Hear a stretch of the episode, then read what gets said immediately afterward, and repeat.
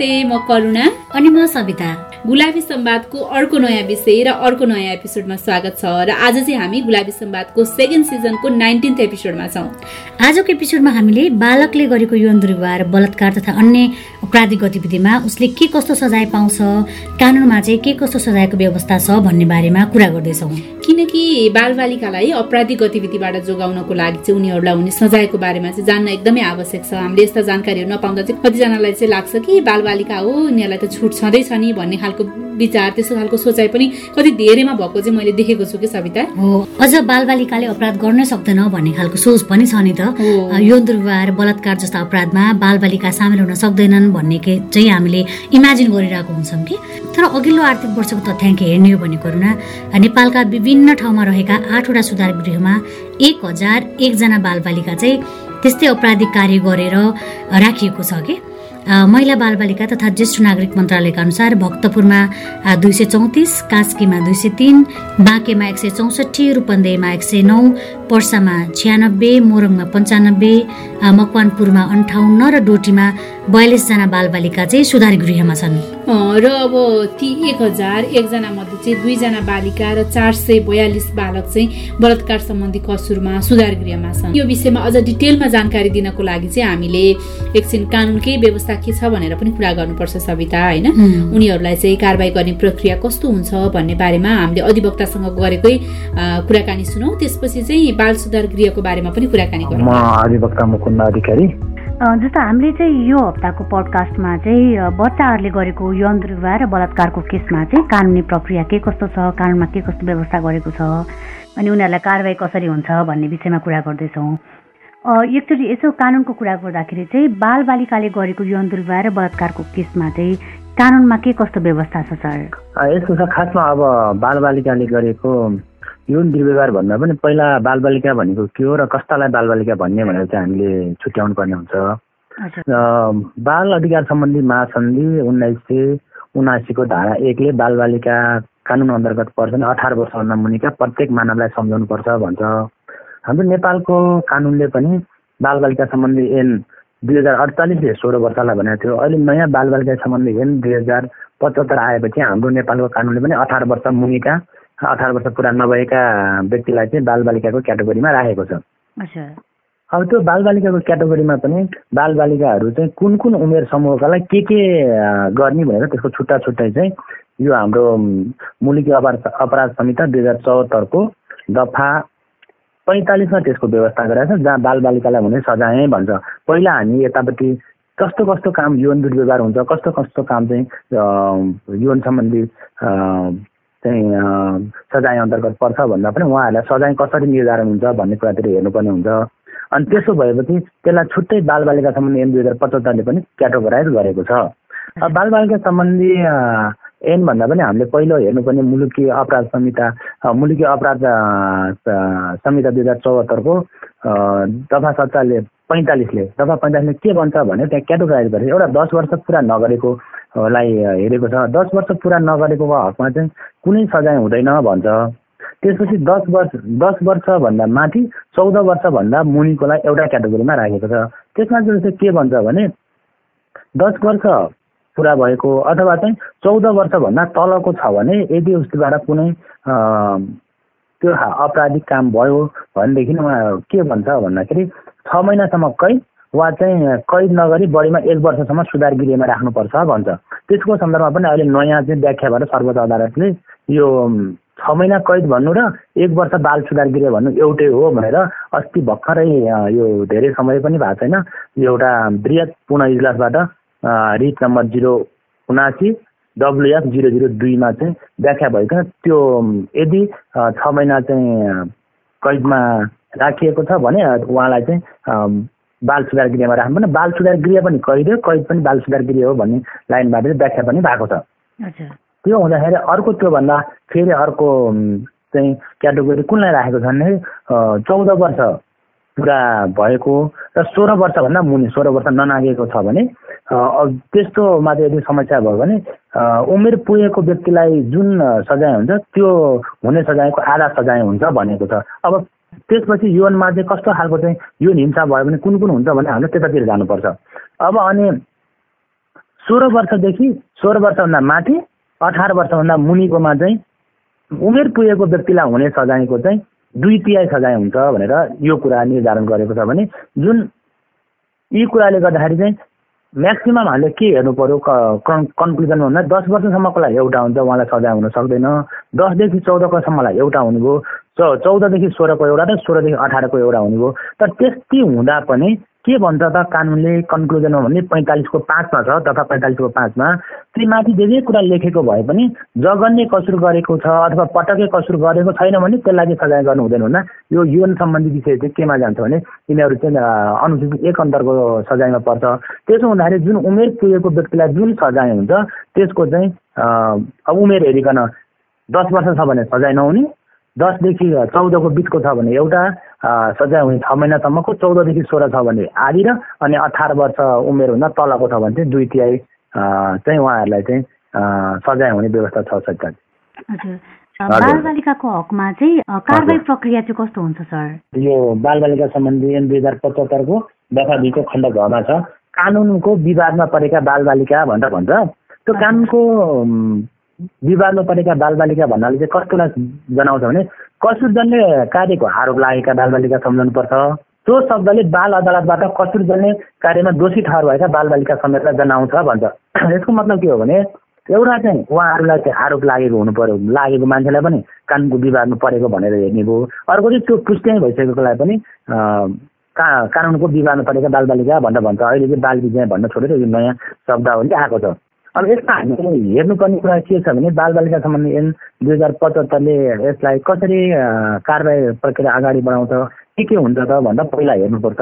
त्यो बालबालिकालाई चाहिँ यदि त्यस्तो आरोप लाग्यो भने उहाँहरूलाई चाहिँ अब त्यसलाई नियन्त्रणमा लिनुपर्ने हुन्छ।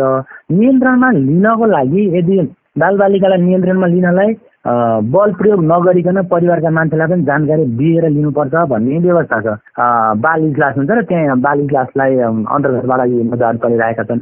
त्यस्तोमा चाहिँ अदालतको अनुमतिले एकचोटिमा पाँच दिन नबढाउने गरी बढीमा एक्काइस दिनसम्म चाहिँ निगरानी कक्षमा राख्न सकिन्छ भन्ने व्यवस्था छ। यदि अब यहाँले भनेको जस्तो यौन सम्बन्धी क्रियाकलापमा भएको भयो अथवा चाहिँ त्यो उमेर नपुगेको कारणले व्यक्तिबाट चाहिँ जबरजस्ती करणीको अब उमेर नपुगेको तल्लो उमेरकोले अब जबरजस्ती करणीको केसमा यदि उहाँहरू पर्नु भएको छ भने पनि उहाँहरूलाई चाहिँ त्यो निगरानी कक्षमा राखेर अनुसन्धान गरिन्छ।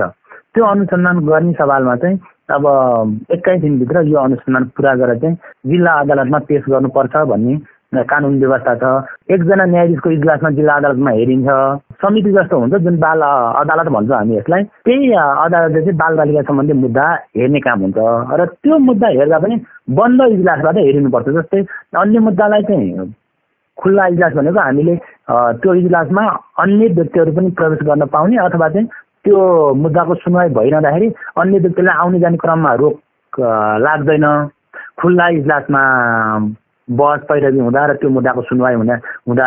तर बालबालिका सम्बन्धी जुन केस जोडिएको हुन्छ त्यो सन्दर्भमा चाहिँ बन्द इजलासमा गरिनुपर्छ जहाँ चाहिँ उस त्यो कानुनमा चाहिँ विवादमा परेका बालबालिकाको मुद्दाको सुनवाई हुँदाखेरि त्यहाँ चाहिँ त्यो समिति र त्यो बाल त्यो बालक र चाहिँ त्योसँग सम्बन्धित कानुन व्याख्या र उनका परिवारका व्यक्तिहरू मात्र त्यहाँ बसेर चाहिँ यो मुद्दाको सुनवाई हुन्छ। र यो मुद्दाको सुनवाई गर्दा एक सय दिनभित्र चाहिँ कारवाही किनारा गरिसक्नुपर्छ भन्ने कानुनी व्यवस्था छ। उहाँलाई धेरै धेरै धन्यवाद। बालबालिकाले गरेको यौन दुर्व्यवहार तथा बलात्कारको केसमा उनीहरूलाई के कस्तो सजायको व्यवस्था चाहिँ कानुनमा व्यवस्थित गरिएको छ भनेर जानकारी दिनुभएकोमा। बालबालिकाले गरेको अपराधमा उनीहरूलाई चाहिँ हुने सजायको बारेमा थाहा पाइसकेपछि अब चाहिँ बाल सुधार गृहको कुराकानी चाहिँ गर्नुपर्छ होला सविता होइन? बालबालिका सम्बन्धी ऐन दुई हजार पचहत्तरको दफा त्रिचालिस चार अनुसार चाहिँ बाल सुधार गृहमा रहेका बालबालिकाको सुगृहमा रहनुपर्ने अवधि बाँकी रहेको अवस्थामा चाहिँ निजको उमेर अठार वर्ष पुगेमा निजको बानी व्यवहारमा आएको सुधार आर्जन गरिरहेको सिप तथा शिक्षाको निरन्तरता लगायतलाई चाहिँ ध्यानमा राखेर बाँकी अवधिसम्म सुधार गृहमा अन्य बालबालिकासँग अलग हुने गरी राख्नुपर्छ भन्ने व्यवस्था चाहिँ गरिएको छ। नेपालमा अहिले आठवटा बाल सुधार गृह छन्। ती बाल सुधार गृहमा बाल विद्याय पुष्टि भएर अदालतले पठाएका ती बालबालिकालाई कसरी राखिन्छ? त्यहाँ चाहिँ उनीहरूले पढ्न पाउँछन् कि पाउँदैनन्? पढाइ कन्टिन्यू हुन्छ कि हुँदैन? अथवा चाहिँ त्यस्तो केही सिपमूलक तालिम प्रदान गरिन्छ कि गरिँदैन भन्ने बारेमा युसेफ नेपालकी कोषाध्यक्ष तथा बाल कल्याण समिति भक्तपुरमा चाहिँ लामो समय काम गर्नुभएकी कृष्णेश्वरी हाडासँग हामीले कुराकानी गरेका छौँ। बरु अब चाहिँ एकैछिन उहाँको कुरा सुनौ हामीले चाहिँ यो हप्तामा चाहिँ यो बालबालिकाले गरेको अपराधमा चाहिँ बाल सुधार गृहमा राख्ने गरिन्छ उहाँहरूलाई। अनि बाल सुधार गृहमा अदालतले पठाएका चाहिँ बालबालिकालाई कसरी राख्ने म्याम? हामी कसरी राख्छौँ भने जुन उहाँहरूको अपराध भनौँ न बाल विजय गरेको बालिकाहरूको बालकहरूको उहाँहरूलाई चाहिँ हामीले होस्टेल जस्तो भनौँ न एउटा सुधार गृह भनिन्छ यो सुधार गृह हामी यो चाहिँ चार ठाउँमा हेर्न दिएको छ। काठमाडौँ भयो कास्की भयो मोरङ त्यसपछि नेपालगञ्ज है।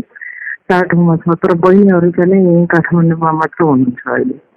अरू ठाउँमा बहिनीहरू अनि उहाँहरूले चाहिँ जस्तो अब गलत कार्य गरेरै त्यहाँसम्म आइपुग्नु भएको हुन्छ होइन? बाल विद्या पुष्टि गरेर त्यहाँ पठाउँछ। उहाँहरूलाई चाहिँ आफूले गरेको गलत कार्यको लागि चाहिँ कसरी दण्डित गरिन्छ कि के कस्तो व्यवस्था छ बाल सुधार गृहमा राख्दाखेरि? उहाँहरूलाई चाहिँ त्यो उहाँहरूको एकैछिनको त्यो भनौँ न मिस्टेकलाई चाहिँ हामीले सम्झिनु हुँदैन। अब अगाडि बढ्नुपर्छ भनेर हामीले विभिन्न किसिमको काउन्सिलिङ पनि गर्छौँ विभिन्न ट्रेनिङहरू दिन्छौँ होइन? अनि त्यसपछि उहाँहरूलाई सिपमूलक ट्रेनिङहरू पनि हामी गर्छौँ। अनि त्यहाँ चाहिँ उहाँहरूको पढाइ कन्टिन्यू गर्न मिल्छ कि मिल्दैन मिल्छ त्यहाँ स्कुलै छ हाम्रो। अहिले पहिला बाल सुधार गृह भनेर थियो। अहिले बाल प्रभा मावि भन्दै छ ए हजुर। अनि त्यो हजुर अघि तालिमको कुरा गर्नुभएको थियो नि तालिम दिइन्छ कस्तो खालको समावेश हुन्छ हामी जाने सिपमूलक तालिम यता यो सेटमा भएको जस्तो अटोमोबाइल होइन त्यसपछि गएर यो गाडी रिपेयरहरू भयो होइन त्यसपछि आएर मोबाइल रिपेयर त्यसपछि आएर टेलरिङको त्यसपछि आएर ब्युटिसियनको त्यो विभिन्न उहाँहरूको जे इन्ट्रेस्ट छ त्यो उहाँहरू छुट्नुभन्दा अगाडि त्यहाँबाट जानुभन्दा अगाडि तिन चार महिना अगाडिदेखि हामी ट्रेनिङहरू सञ्चालन गर्छौँ। हजुर। त्यहाँ चाहिँ बालबालिकाहरूले त्यस्तो रिग्रेट गरेर आफूले गरेको गल्ती मैले मिस्टेक गरेँ भन्ने खालको कुराहरू के हुन्छ म्याम हजुरहरूसँग उहाँहरूले गर्नु अलिअलि त उहाँलाई त्यो पर्छ नि होइन। तैपनि त्यहाँ आइसकेपछि सबै साथीहरू देखेपछि होइन अनि काउन्सिलिङको पार्टहरू गरेपछि चाहिँ नै राम्रो गर्नेहरू पनि छन्। अहिले हामी चाइनिज ल्याङ्ग्वेज पनि सिकाउँदैछ। दुई तिनजना भाइहरू चाइनिज ल्याङ्ग्वेजको ट्रेनर पनि बनिसक्नु भएको छ। अब छुट्टी उहाँहरू त्यहाँबाट गइसक्नुभयो भने एउटा ट्रेनर पनि काम गर्न सक्नुहुने अवस्थाको छ। त्यसै गरेर हामी त्यो के भन्छ हामी मखमलको जुत्ता बनाउने त्यसपछि आएर साबुन सपको ट्रेनिङहरू पनि गरिसक्छौँ अनि म्याम हजुरले अघि काउन्सिलिङको कुरा गर्नुभएको थियो काउन्सिलिङ काउन्सिलिङ चाहिँ कसरी गरिन्छ? त्यहाँ अब काउन्सिलरहरू होइन काउन्सिलरै हुनुहुन्छ हाम्रो एकजना ज्योति म्याम हुनुहुन्छ होइन? काउन्सिलरै हुनुहुन्छ। कहिले कहिले चाहिँ हामीले जस्तो अब यो विभिन्न सङ्घ संस्था छ नि काउन्सिलिङ सम्बन्धी काम गर्ने सङ्घ संस्थाहरूलाई चाहिँ बोलाएर उहाँहरूले पनि विभिन्न किसिमको ट्रेनिङहरू हामी दिन आउनुहुन्छ। कृष्णेश्वरी हाडालाई धेरै धेरै धन्यवाद। बाल सुधार गृहमा बालबालिकालाई उनीहरूले गरेका गलत काममा चाहिँ उनीहरूलाई रिग्रेट हुने मात्रै होइन कि अबको जीवन चाहिँ कसरी बिताउने रचनात्मक क्रियाकलापमा क्रिएटिभ कामहरूमा चाहिँ आफूलाई कसरी सहभागी गराउने लगायतका विषयमा चाहिँ काम हुन्छ। उनीहरूलाई चाहिँ त्यसरी ट्रेन गराइन्छ भनेर जानकारी दिनुभएकोमा धेरै धेरै धन्यवाद। आज हामीले बाल सुधार गृहमा बालबालिकालाई कसरी राखिन्छ बालबालिकाले गरेको अपराधकोमा चाहिँ के कस्तो कानुनी व्यवस्था छ के कस्तो सजाय छ भन्ने बारेमा गरेको छलफल तपाईँलाई कस्तो लाग्यो? आफूलाई लागेको कुरा हामीलाई भन्न नभुल्नुहोला त्यसको लागि हाम्रो विभिन्न सामाजिक सञ्जालमा गुलाबी सम्वाद सर्च गर्न सक्नुहुनेछ। त्यस्तै हामीलाई इमेल मार्फत Gulabi Sambad at gmail dot कममा पनि हामीलाई मेल पठाउन सक्नुहुन्छ। अनि हाम्रो website W W dot Gulabi Sambad dot कममा पनि तपाईँले पडकास्ट सुन्न र आफ्ना पनि त्यस्तै खालका भोगाईहरू यौन तथा प्रजनन स्वास्थ्य र अधिकार तथा मेन्टल हेल्थसँग सम्बन्धित भोगाईहरू छन् भने हामीलाई लेखेर पठाउन सक्नुहुनेछ। हाम्रो कार्यक्रम चाहिँ कृष्ण सार एफएम नेपालगञ्जको कृष्ण सार एफएमबाट पनि प्रसारण हुँदैछ। त्यहाँ चाहिँ एपिसोड वानबाट नै कार्यक्रम प्रसारण सुरु गर्दै हुनुहुन्छ। कृष्ण सार एफएम परिवारलाई धेरै धेरै धन्यवाद हाम्रो यो अभियानमा सहभागी भइदिनु भएकोमा। अब चाहिँ यो सँगसँगै हाम्रो कार्यक्रम देशभरिका अडचालिसवटा रेडियो स्टेसनबाट प्रसारण हुन्छन्।